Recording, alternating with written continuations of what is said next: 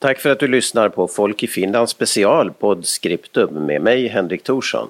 I den här serien diskuterar vi med författare, journalister, konstnärer och kulturarbetare om en rad ämnen utifrån de böcker som kommer ut på förlagen Boklund Publishing och förlaget Scriptum och andra förlag i Österbotten i Finland.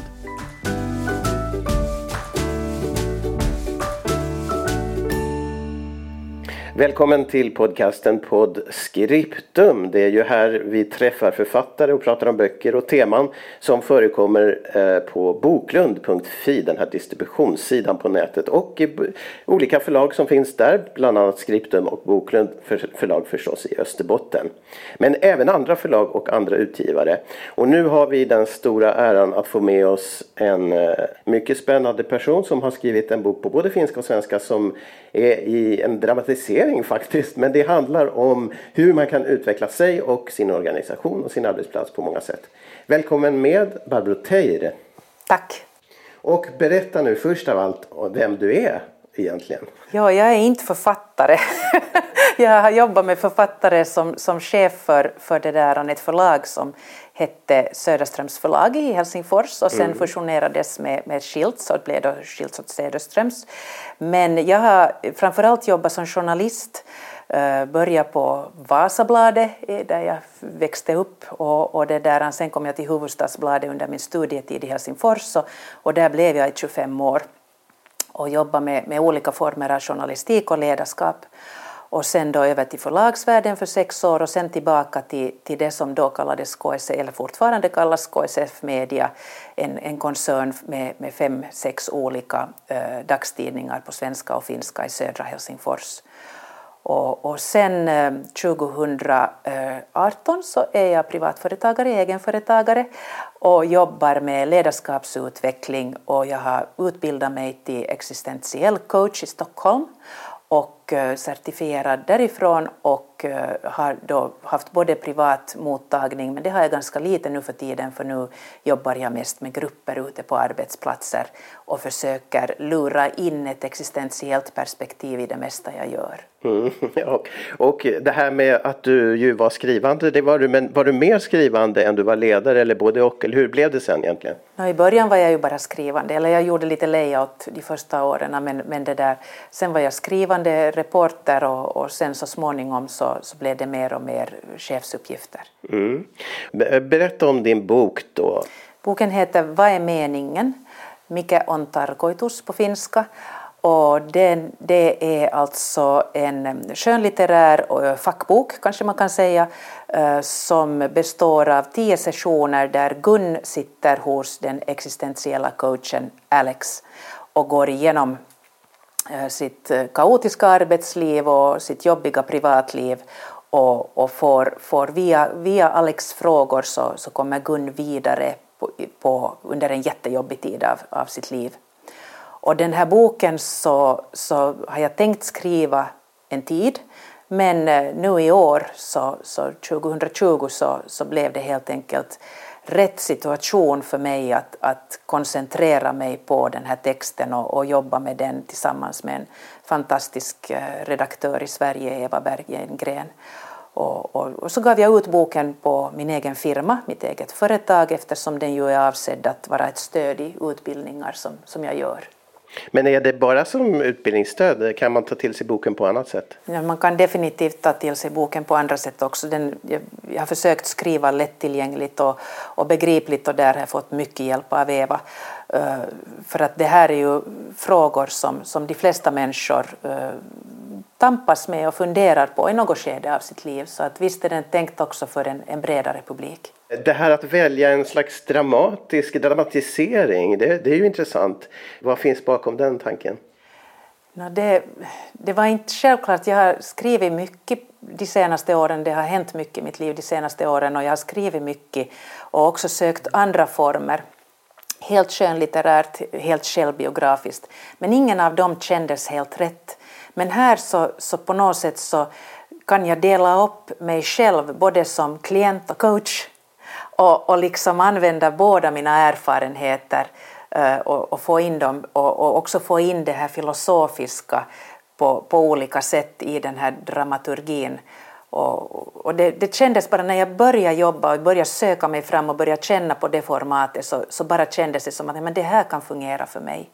För mig att skriva det på det här sättet så, så fungerar det bra och då tänkte jag men då gör jag det. Är, är det egentligen hemma i, i den här dialogen som har med coachning att göra? Att det är en gestaltad coachning? Ja? Det är en gestaltad coachning och, och, och de här, jag ville ju inte använda någon annans livserfarenheter. Det skulle inte bara ha känts schysst i det här konceptet. Mm. Så jag har använt mina egna och så har jag ju då, då lite gjort om dem och, och så här. Men, men det, det, liksom, det är ju inte terapi. Existentiell coachning är definitivt inte terapi utan det man gör är att man tar människans egna individuella erfarenheter och försöker lyfta in dem i olika eh, filosofiska tolkningsmodeller som olika filosofer har och, och lite, lite det där, eh, inte en modell utan flera olika modeller och den vägen få filosofiska existentiella perspektiv på det individuella. Så att man knyter samman liksom generella universella existentiella frågor och, och, och tankar med individens.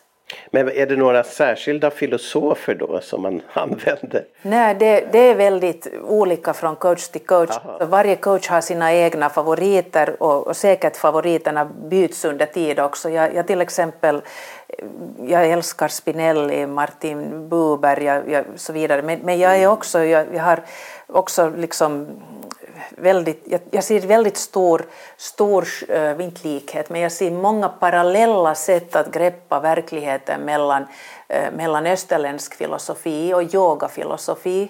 Jag yogar själv väldigt intensivt.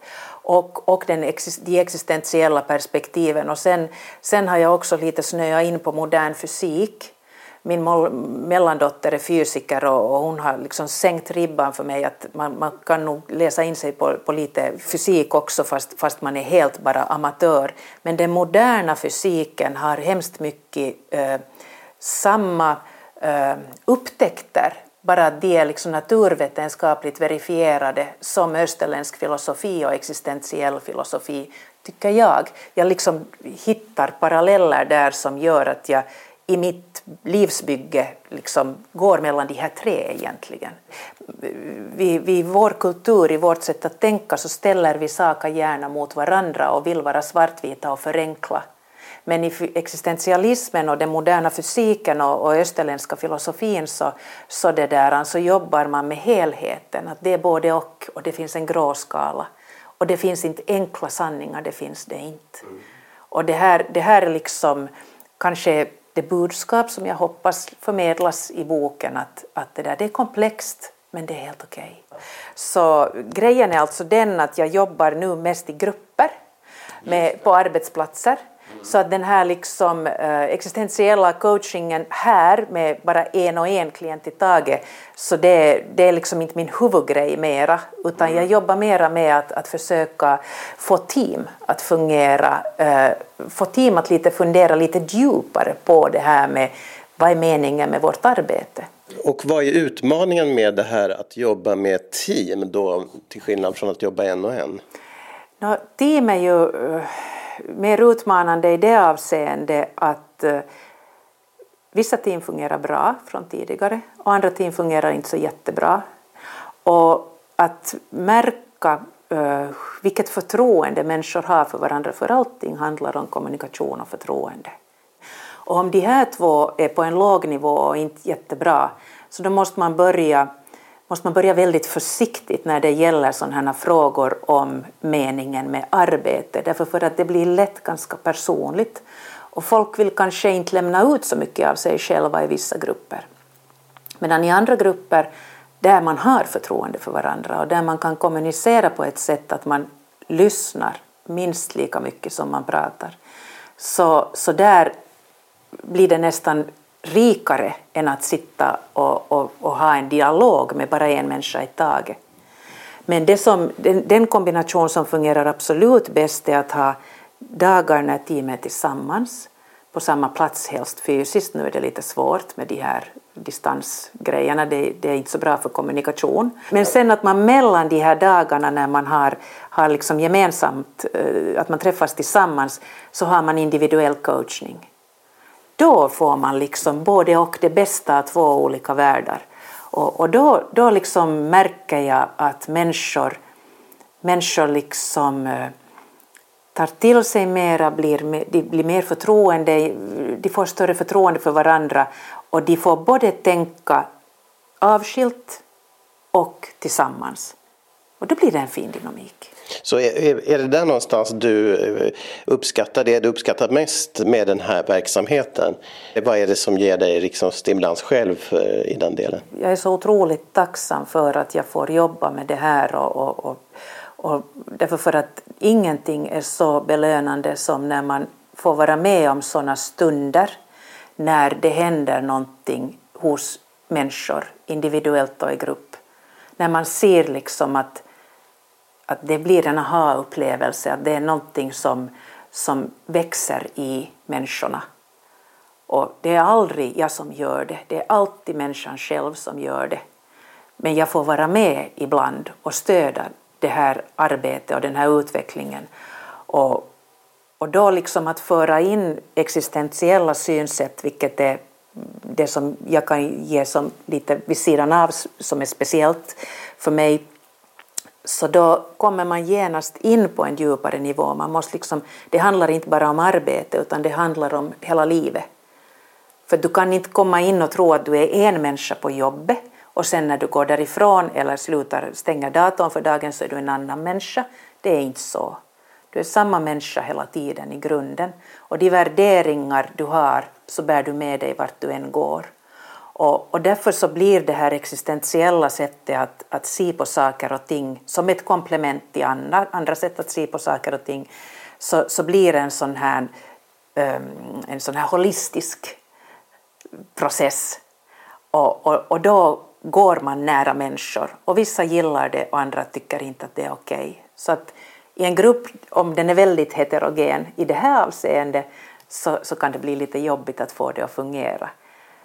Men, men oftast så, så, så, upplever jag liksom att, och jag får också den responsen att folk tycker att, att i och med att vi jobbar så mycket med att prata allihopa, det är inte regelrätta föreläsningar, även om jag ibland håller lite mera låda än ibland. Men det är liksom framförallt de, de som deltar, som pratar och som funderar tillsammans, så, så känner jag att det kanske ger något avtryck i deras vardag i fortsättningen, vilket ju är meningen. Vad fint, men är det eh, ganska mycket intervjun som redskap eller vad skulle du säga är redskapet för dig när du jobbar med de här sakerna med intervju då? Eller? Nej, det är inte alls svårt, det är coachande. Det är coachande, jag, jag jobbar med frågor. Jag, jag, det där, eh, när jag själv för första gången tog, tog mina första stapplande steg på, på det där chefsbanan det här var när jag var journalist på, på 90-talet och, och, det där blev redaktionschef på Hufvudstadsbladet så, så sa jag att jag måste få utbildning och det enda jag hittade som, som riktigt gällde för journalister så var i Sverige, i Kalmar, mm. FOJO. FOJO ja. ja. Mm. Och, det där, och då, då var jag där först en vecka och, och sen var vi en vecka till ännu. Och, och, och, där, eh, en av de saker som verkligen fick mig att tänka om så var det att, att det sades gång på gång att, att chefen, det är den som har frågan.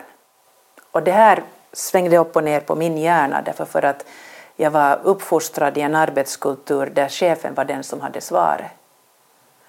Och, och det tog mig en stund att, att liksom eh, inse och lära mig och fick, få det att liksom verkligen sitta att det är precis så här det är frågan, den som har frågan, den är chef. Och, och när jag nu jobbar så, så försöker jag hela tiden jobba genom att fråga. För att svaren har, var och en har svaren själva. Men har eh, chefskulturen i Finland förändrats på det viset från det du upplevde då? Det varierar jättemycket från arbetsplats till arbetsplats och jag jobbar ju både inom näringslivet och, och, och det där inom det kommunala. Det är jätteolika på olika arbetsplatser och, och, det är ju helt självklart egentligen därför för att det handlar om människor. Mm. Visserligen om kulturer, men det är människor som lever och bär kulturen. Yeah. Och, och, och, finns det liksom människor som vill jobba coachande, som vill jobba så att det, det liksom entusiasmerar och, och med självledarskap och motivation, vilket är så jätteviktigt i dessa tider, så då, då är det det som slår igenom. Så att, så att det, det handlar bara om människan.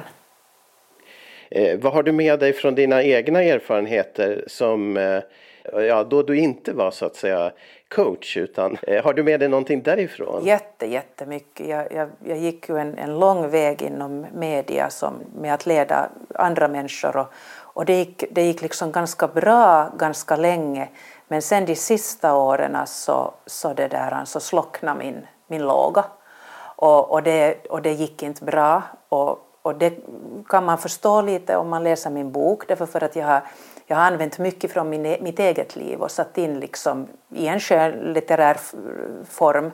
Och så att jag ljuger ju i boken och jag ändrar på och så vidare. Men där finns liksom vissa grunder som är helt sanna och mina egna erfarenheter. Och det som jag kanske lärde mig Eh, av mina misslyckanden var det att när en människa blir för stressad och har för mycket och tar på sig för mycket i relation till, till sina resurser under olika situationer, så då slutar man fråga. Då blir man som en, en gammaldags eh, general under vinterkriget som, som tror att det är ordergivning som gäller, att det är ensidig kommunikation. Att dialogen liksom, jag orkar åtminstone inte med dialogen under de sista åren. Och, och det där, då går det inte bra. Men det, det låter som du, du lägger stort ansvar på den som i det fallet du själv där som leder då, är, kan det inte också vara de omkring som borde? Naturligtvis, men, men det är ju ett faktum att man kan aldrig ändra någon annan människa. Den enda man har liksom möjlighet att verkligen påverka så är en själv. Så att, så att det, är liksom, det är lite onödigt att skylla på andra utan, utan istället granska så ärligt man kan sitt eget beteende och, och vad som har fungerat och vad som inte fungerar och, och vara ärlig mot sig själv för det gick som det gick och, och ta lärdom av det och, och, det där, och inte förvänta sig att andra ska förändra sig om de inte vill. Det, det kan man bara göra om man själv vill. Men hur gick det till när du fick den här självinsikten? Eh, som du beskriver att du slutade fråga. När upptäckte du själv det? Nå för sent dessvärre, så är det väl vanligtvis. För sent upptäckte det och, och, och, och, liksom och, och, och erkände det. Eh, och det är ju en av de saker som kanske det här med den här boken också, att, att skriva den här boken så har ju hjälpt mig liksom att, att gå igenom det här och, och, och bearbeta det. Och, och, det där. och jag är nog inte den enda under världshistorien som det här har, har hänt och som har, har betett mig på det här sättet så att jag, jag liksom eh, tänker inte, inte strö aska på mig och, och, och, gråta över det utan jag har lärt mig och nu, nu ser jag det som en jättefin erfarenhet för jag ser ju i arbetslivet idag att det är många chefer som har det supertufft. Supertufft alltså. Och, det där, och då att eventuellt också tack vare egna erfarenheter kunna hjälpa människor att lite stanna upp och lite liksom få i lugn och ro och en trygg miljö reflektera kring de här sakerna och fundera på dem och kanske kunna ändra riktning i tid. Så vad, vad kan det här bero på? Vad kan det ha för orsaker? No, eh, en, en, ett sätt att greppa det här som jag gillar skarpt så, och som jag också skriver om i boken är uh, Åsa Koui Lundqvist som är rikssvensk. Hon, hon det där, kallar sig komplexitetsdoktor och, för hon har doktorerat i komplexitet i Storbritannien och hon jobbar nu i Stockholm. Och, och det där, hon har en sån här eh, ganska enkel bild som, som man kan gå djupt i där, där hon å ena sidan skriver om hur vi anser att vi borde vara i arbetslivet och där är liksom det här med att vi måste alltid bli bättre och, och vi ska jobba med mission, vision, strategi dok, och dokument och vi ska, det är en massa sådana liksom managementfloskler som hon går lös på som, som liksom sätter en ram för hur vi alla hela tiden ska anstränga oss mera, bli bättre och, och det där och, och så en massa sådana ideologier om teamwork och det ena och det andra. Sen tittar hon å andra sidan på hur det på riktigt är. Och på riktigt är det ju så att vi sitter och lyssnar på chefen och nickar och så går vi ut och fortsätter som förr när chefen har sagt att vi ska förändra någonting och bli bättre och så vidare och ingenting händer. Vi konkurrerar med varandra, vi spelar olika sorters spel. Eh, vi, vi struntar egentligen i vad det står i dokumenten. Så här är verkligheten. Och, och, och, det är liksom i, i arbetslivet idag så har det varit hemskt mycket fokus på det här hur det borde vara och mindre fokus på hur det de facto är. Och skulle vi få in lite bättre balans mellan de här två, att vi också skulle acceptera att på riktigt så gör vi så här, vi beter oss på det här sättet, så tror jag att det skulle bli en mer avslappnad stämning och vi skulle vara mindre missionärer för hur mycket bättre vi ska bli. Och, och, vi skulle liksom jobba med det som faktiskt går att göra någonting åt istället för att ha en massa visioner. Och att hon, hon liksom, jag, jag, tror att hon är någonting på spåret där, att, att, att det är det där mera människonära. Ja, vad spännande. Intressant. Vi får länka till kanske henne också. Det verkar ju som någonting är förvrängt i hela världsuppfattningen ibland. Då.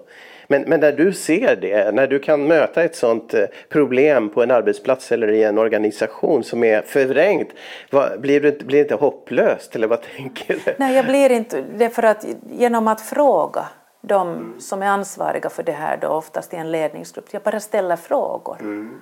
Och, och, genom de där frågorna som inte är aggressiva eller beskyllande eller, eller liksom, utan de ska vara öppna att, att det är inte en, en ja nej fråga utan det är en öppen fråga. Om man lyckas ställa öppna frågor som får folk att stanna upp och fundera innan de svarar så sätter man igång en process som kan leda vidare till att man också där börjar ifrågasätta att måste vi faktiskt ha vissa saker?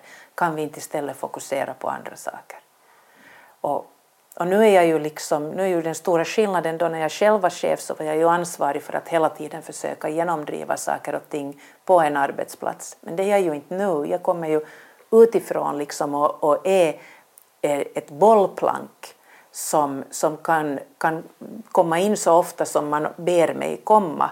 Men, men det är ju de här människorna själva som ska göra det och jag bara stöder. Så det är liksom en annan roll och den, ibland skulle jag ju ibland kan jag ju tänka att, att här skulle jag vilja bli kvar och jobba några månader, ett år, liksom bara för att, för att få det här igenom, få det fördjupat, liksom stöda och sånt. Men, men sen, det är inte min roll. Det är inte min roll nu, så att det, det känns också helt okej okay att ha lite distans och tack vare den distansen kunna ställa de här frågorna som man kanske inte kan eller vill eller vågar ställa varandra i den dagliga ruljansen. Och var eh, får man tag på din bok och hur kan man få kontakt med dig och eh, veta mer om vad du, vilka tjänster du ger? Boken finns eh, på Boklunds hemsida och i de bokhandlar som har valt att ta in den. Jag vet att den finns på Adlibris nu och, det där, och man kan läsa mera om mig på min hemsida www.perspectives.fi, alltså det engelska perspectives.fi. Mitt företag heter All Those Perspectives. Därifrån kommer det. Och det där, och där finns också kontaktuppgifter till mig så det är bara att höra av sig om man vill veta mer. Jättetack Barbro för att du var med. Eh, spännande och lycka till. Tack.